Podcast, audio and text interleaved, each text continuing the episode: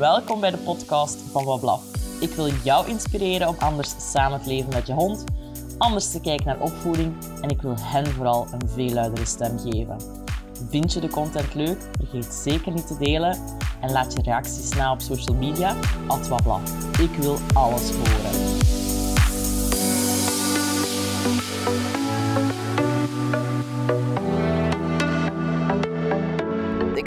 Auto en ehm, er kwamen weer van alle dingen binnen, dus ik heb besloten om toch maar op te nemen. Sorry voor het achtergrondlawaai, ik zit op de autostrade eh, richting uh, Contig. Ehm, nu ja, doet er helemaal niet toe, maar ja, soms is mijn hoofd zo'n doos vol brol en dan af en toe komen daar uh, goede dingen uit en als ik die niet meteen capteer, dan ben ik ze weer kwijt. Wat ik wou delen. Wat ik wou delen is, um, ik heb onlangs iets meegemaakt. Uh, laten we zeggen, um, weer heel typisch. Ik word gebeld door een verkoper van, ja, ik denk videomarketing dat het was. En ik kan heel moeilijk nee zeggen. Ik, ik vind dat ook altijd, die salesgesprekken vind ik altijd heel goed, heel sterk. Dus de nee is bijna onmogelijk in mijn hoofd. Dat is ook de bedoeling van zo'n salesgesprekken natuurlijk. En op het moment dat ik zeg van, ja oké, kom maar een keer langs, het is goed. Uh, denk ik al van, ja, hè, hier gaan we weer. Ik weet niet of nog mensen dat hebben, maar ik ben daar heel, heel slecht in. Goed, ik ontvang die mensen. waren twee uh, mannelijke verkopers. Heel gezellig babbeltje, koffietje erbij, pintje erbij. En ik laat hen een salesgesprek doen en op zich een heel interessant aanbod om um, een aantal bedrijfsvideo's te maken waarmee dat je dan op, op de socials zichtbaarder kan worden, zodat jouw diensten ook gewoon veel uh, meer bereik kunnen hebben. Op zich totaal geen slecht aanbod. Maar de manier waarop het salesgesprek verloopt, heb ik al automatisch een zo mijn red flags die opgaan. Um, omdat ik weet dat dat natuurlijk een salesgesprek is vol psychologische um, instinkers. Of ik weet niet hoe ik het anders moet noemen. Dus ik hoor die, die personen praten en bij elk ding dat ze zeggen weet ik eigenlijk al van oké, dat zit erachter. Dat is de bedoeling om mij ja te laten zeggen, om mij te laten tekenen voor een contract, bla bla bla. Nu ja, goed, ik doorprik dat wel allemaal. Uh, maar op een of andere manier kunnen zij mij toch wel ja, inspireren en motiveren. En denk ik, ja, oké, goed product. Nu, ik had in mijn hoofd eigenlijk wel al uitgemaakt dat zij mij heel hard naar de mond praten, heel veel trucjes gebruikten. En op een bepaald moment loopt dat gesprek ook op zijn einde. Ik denk dat die twee uur bij mij aan tafel gezeten hebben. Dus achteraf gezien was het een goede training voor, voor de tweede salespersoon die erbij zat, denk ik. Want ik denk dat dat een nieuwe man was. Nu goed, het kan een heel goede training geweest zijn uh, voor hun. Um, dus het gaat over ja en nee zeggen, maar het gaat vooral over wat daarna gebeurde. dus eerst en vooral, um, misschien een tip voor mensen die ook heel moeilijk nee kunnen zeggen tegen zo'n dingen. Besef altijd dat daar psychologie achter zit en dat zij niet zonder een ja naar buiten willen stappen. Maar dat heeft niks te maken met honden. Natuurlijk, wat wel te maken heeft met honden, is dat die, een van die mannen uh, achteraf aan mij vroeg: Ja, ik zit hier nu bij de bron. Ik heb zelf een hond, een Berner Senne. En ja, die gaat altijd gaan lopen. En ik wil weten wat ik daaraan moet doen. Dus opnieuw daar dat is gratis advies natuurlijk. Het is mijn job. Ik verdien mijn centen daarmee. Ik had heel goed kunnen zeggen van oké, dan betaalde je voor een sessie. Maar nee. mijn missie is zo groot dat ik dan op dat moment nog zelfs teruggeef. Ik laat eerst over mijn eigen grenzen gaan en dan wil ik nog geven. Dat is absoluut niet gezond. Maar goed, ik doe het toch. En ik praat ook volledig vanuit de juiste intentie. Namelijk, oké, die persoon ziet mijn hulpvraag. Um, ik wil daar wel mijn bijdrage aan leveren. Dus ik begin te vertellen van ja, oké, en, en uh, hoe vaak gebeurt dat? Um, hoe ziet jouw tuin eruit? Uh, hoe vaak zit ze in de tuin? En uiteindelijk kwam het op een punt dat hij zei: Ja, zij woont in de tuin ja, oké, goed. Dus die hond, hè, haar sociale behoeften, zij wordt afgesloten van het samen zijn van haar mensen. Dus dat was al een eerste dingetje waarvan ik dacht, ja, oh, dat kan wel aanleiding geven om te gaan lopen. Dan dacht ik, ja, is het een reutje of een teefje? Want dat kan ook veel uh, impact hebben. Als, er bijvoorbeeld, als het een reutje is en, en, er zijn andere teefjes in de buurt, kan ook zeker stimulerend werken om, uh, om te gaan lopen. Nu, honden zijn niet geneigd om weg te lopen. Tenzij dat ze daar echt door geprikkeld worden van extern, hè? Uh, door bijvoorbeeld andere teefjes of door heel interessante dingen die ze zien of ruiken. Maar meestal als honden gaan lopen, zit daar een, een innerlijke behoefte achter die dat motiveert. Dus op een bepaald punt um, kom ik dus te weten dat die hond eigenlijk heel de tijd buiten zit, dat hij buiten leeft, dat hij ja, een soort van wel sociaal geïsoleerd wordt. En die man die zei tegen mij, ja maar wij mishandelen haar niet of zo. Wij, wij geven haar genoeg aandacht.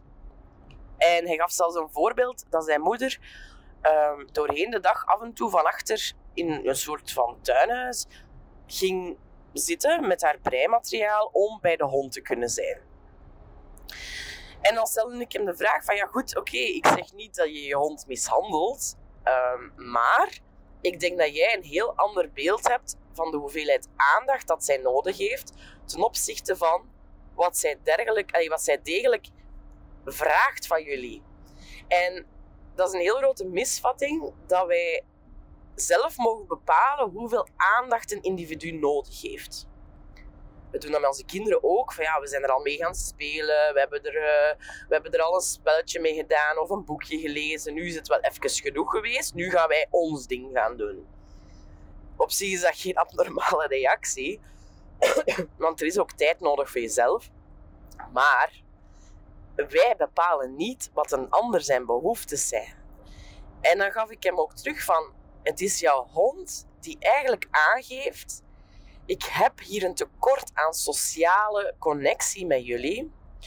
En dat zal wellicht, het is natuurlijk een, een aanname, want het, het komt voort uit een gesprek, het komt niet voort uit, een, een normaal traject dat ik met mensen doe als ik uh, hen ga begeleiden met hun hond zeg, mijn aanname is dat jouw hond duidelijk aangeeft dat er een tekort is in een van haar behoeftes. En ik denk vooral in haar sociale behoeften.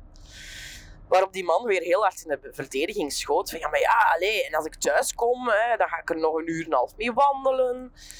Um, opnieuw daar kwam de boodschap niet binnen.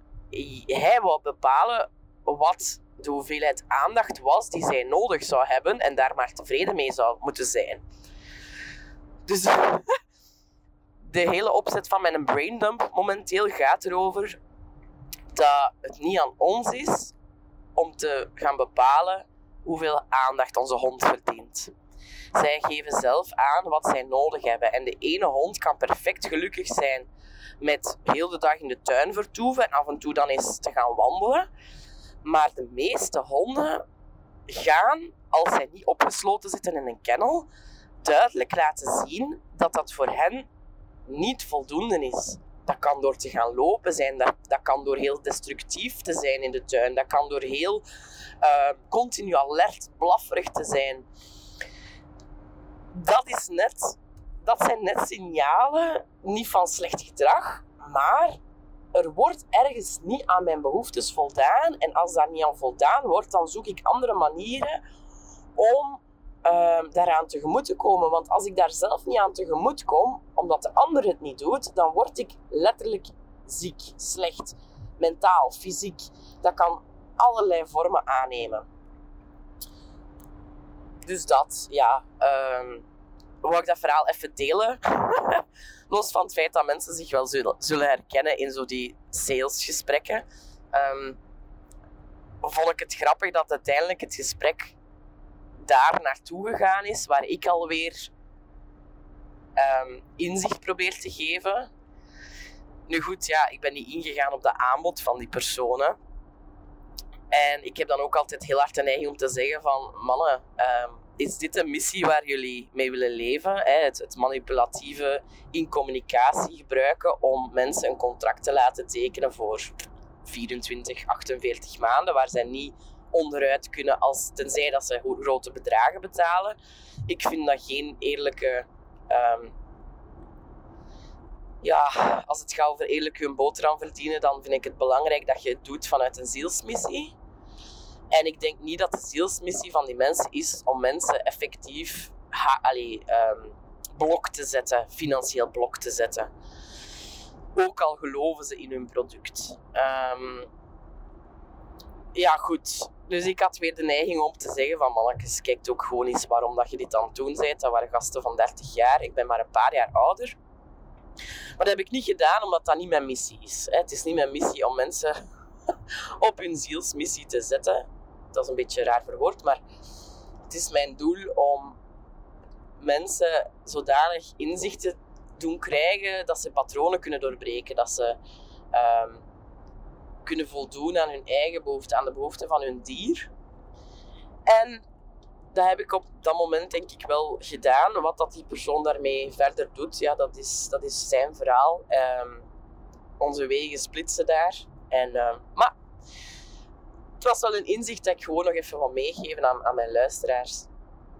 Sociale behoefte is heel sterk. Dat hebben wij als mensen ook. Hebben we heel hard ervaren tijdens corona. Dat als daar niet aan voldaan wordt, dat dat heel hard inhakt op onze emotionele gezondheid. Uh, sommige mensen zelfs op hun fysieke gezondheid. Dus laat het een, laat het een boodschap zijn vanuit uh, mijn salesgesprek met die mannen naar de rest van de wereld toe. Om daar eens dieper naar te kijken.